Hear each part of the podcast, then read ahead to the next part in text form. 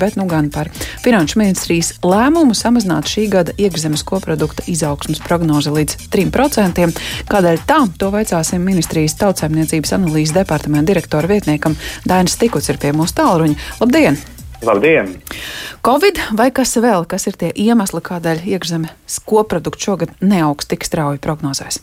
Uh, jā, tas ir pārsvarā tas ir Covid ko, ietekme. Mm -hmm. Tad, kad mēs prognozējām, veidojām iepriekšējās prognozes, tas bija pagājušā gada jūnijā. Tādu mēs vēl tikai esam piedzīvojām pirmo vilni un īsti, nu, teikt, visa pasaule īsti nezināja, kurā virzienā un kā, kā šī pandēmija izplatīsies.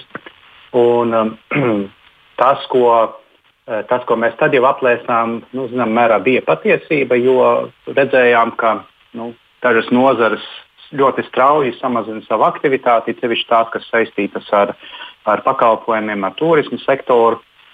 Un tāpēc nu, tās, domājam, ka, ka tas strauji nu, tātad, ietekmēs visu ekonomiku.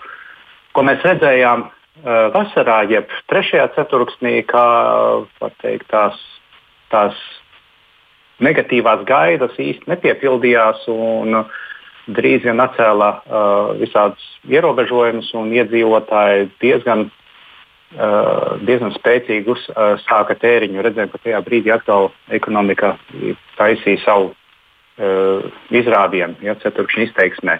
Un tagad, atkal, kad mēs piedzīvojam otro covid vilni, tas jau ir drusku dziļāks nekā iepriekš prognozējām. Tāpēc, kā teikt, atkal mēs gada beigas Uh, izaugsmu samazinājām, un mhm. tam būs tāda zinām, ietekme arī uz šī gada statistiku.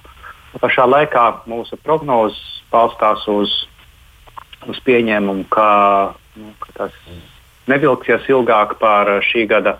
Uh, tie ierobežojumi nevilksies ilgāk par šī gada pirmo pusi, mm. un tālāk jau no gada otrās puses sāksies tā drusku straujāka izaugsme nekā, uh, nu, nekā mēs šobrīd mm. to piedzīvojam. Tad visi, tāpēc, visi cer uz poti.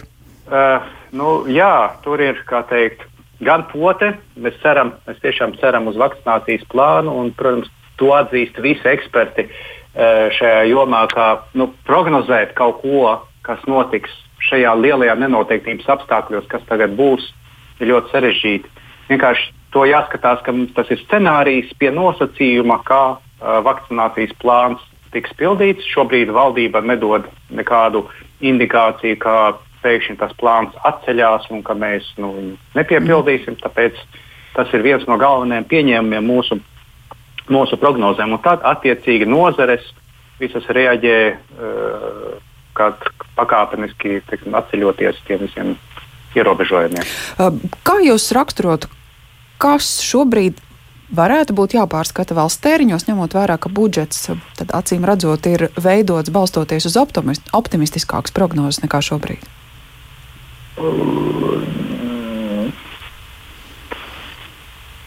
Nu, es nedomāju, ka vajadzētu uh, mazināt uh, tēriņus uh, ar mērķi uh, šobrīd nu, samazināt budžeta deficītu vai arī mazināt valsts parādu. Uh, manuprāt, tas, kas mums ir šobrīd jādara, ir pēc iespējas eh, jānodrošina tas, lai eh, nu, ekonomika, tad, kad visi ierobežojumi būs atcelti, spētu pēc iespējas ātrāk atgriezties normālās sliedēs. Jo tas, kas to, to, ko mēs tagad redzam, ja, ka, ja uzņēmumam nav apgrozījuma, nav ienākumu, viņam ir nu, grūti arī izmaksāt algas. Un, tas būs liels zaudējums eh, no ekonomikas potenciālam, ja šā, šie uzņēmumi nu, šī gada laikā vai gada sākumā piemēram, bankrotē. Ja? Tas Jā. nozīmē, ka tie iedzīvotāji nu, tāpat tās ies un prasīs bezdarbnieku pabalstu, un tā, tie tēriņi nu, jebkurā gadījumā būs. Sekosim līdzi, protams, arī valdības lēmumiem. Jau rīt atkal ir paredzēts runāt valdības sēdē par iespējamām izmaiņām un kādas ekonomiskās aktivitātes varētu atkal atgriezties kaut daļēji pie tā, kas bija līdz šim.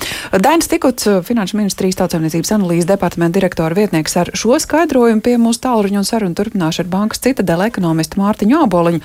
Labdien! Labdien! Optimistiskāks vai piesardzīgāks esat par finanšu ministriju, kas šobrīd to prognozi pārskatījusi? Es teiktu, ka kopumā ļoti līdzīgās domās, um, ja mēs skatāmies šobrīd, um, tā mana prognoze varbūt būs nedaudz virs 3% izaugsme, uh, bet pilnīgi piekrītu tiem argumentiem, uh, ko arī Finanšu ministrijas pārstāvs minēja, ka ir ļoti, ļoti liela nenoteiktība un jautājums par to, kā Uh, un cik ātri tiks realizēts šis vakcinācijas plāns, lielā mērā arī ietekmēs, kā tā ekonomika šogad attīstīsies. Um, līdzīgi kā, kā arī finanšu ministrijas, arī ceru, ka šie ierobežojumi, kas mums šobrīd ir, kad nu, teiksim, gada pirmajā pusē viņi ir, bet gada otrajā pusē tāda vairs nebūs nepieciešama. Tad arī tā ekonomika, nu, faktiski tas gads būtu tādās divās daļās. Ir mm. gada pirmā puse, kad mēs joprojām dzīvojam ar lieliem ierobežojumiem, un tad gada otrā puse, kur mēs ceram ieraudzīt jau tādu daudz būtiskāku ekonomikas atkopšanos. Nu, tad ir 3% izaugsme. Tā ir tāda vidējā temperatūra šim gadam, kas nu, ļoti, ļoti atšķirīgs varētu būt gada pirmā un otrās puses. Bet tas ir, protams, pie pieņēmuma un pie tās cerības, ka um, mēs līdz vasarai, līdz vasaras otrajai pusē tiekam ar vakcināciju pietiekami tālu, lai rudenī mums nebūtu nepieciešama atkal jauna ierobežojuma nākamajā ziemā. Nu, par to mēs droši vien jāskatās ne tikai par Latviju, plašāk par Eiropu un atlikušo pasaules daļu, jo viens nozīmīgs faktors tautsēmniecībā, protams, ir mazumtirdzniecība, bet ja raugāmies uz turismu, ja raugāmies uz aviācijas jomu, kas uh, nozīmē ne tikai to, kā mēs šeit dzīvojam un cik veseli esam Latvijā, tā, tā ir tāda plašāka ķēde. Protams, šis ir eh, globāls stāsts un, globālā ekonomikā. Protams, ka uh, Covid pandēmija ar mums būs vēl, vēl ilgāku laiku, jo pat ja mēs šeit būsim pietiekami veiksmīgi, jāsaprot, ka Eiropa, um, lai arī varbūt atpaliek no ASV un Lielbritānijas tiksim, vakcinācijas ziņā, bet tomēr būs viens no tiem reģioniem, kur vakcinācija būs visātrāk un pārējā pasaulē, tīpaši attīstītas valstis, tur tomēr nu, plaša vakcinācija, ticamāk, šogad vēl nebūs. Tas varbūt nākamā, aiznākamā gada jautājums. Tā kā globāla ekonomika joprojām būs uh, šī Covid ietekmē, uh, bet mums jau tomēr tas Eiropas tirgus ir svarīgs arī no tāda turisma viedokļa. Tā kā jā, uh, protams, kad jā, um, teiksim, pie mums, ja ir kaimiņu valstīs uh, šī vakcinācija pietiekami veiksmīga, tas, tas mums ir svarīgi. Tā labā ziņa, varbūt, kas, kas šobrīd ir, uh, ka atšķirībā no pagājušā gada pavasara, tomēr ne visa ekonomika Covid uh, pandēmija ir apturējusi. Mēs redzam uh, ražošanu, mēs redzam Jā. eksporta sektoru, kur tā aktivitāte ir ļoti laba. Īstenībā pat rekordi mm. tiek sasniegti jauni. Tā, tā, tā situācija m, tomēr atšķirās no pagājušā gada pavasara. Arī ko mēs redzam savos datos, tas ekonomikas kritums ir, bet viņš varbūt nav tik liels, kā bija pirms gada. Paldies par šo komentāru, saka Bankas citadela ekonomistam Mārtiņam Aboliņam. Jā, patiesi par eksporta nozares pagājušo sekmīgo gadu arī mēs runāsim pēcpusdienas programmas nākamajā stundā par to plašāk Eiro fokusā.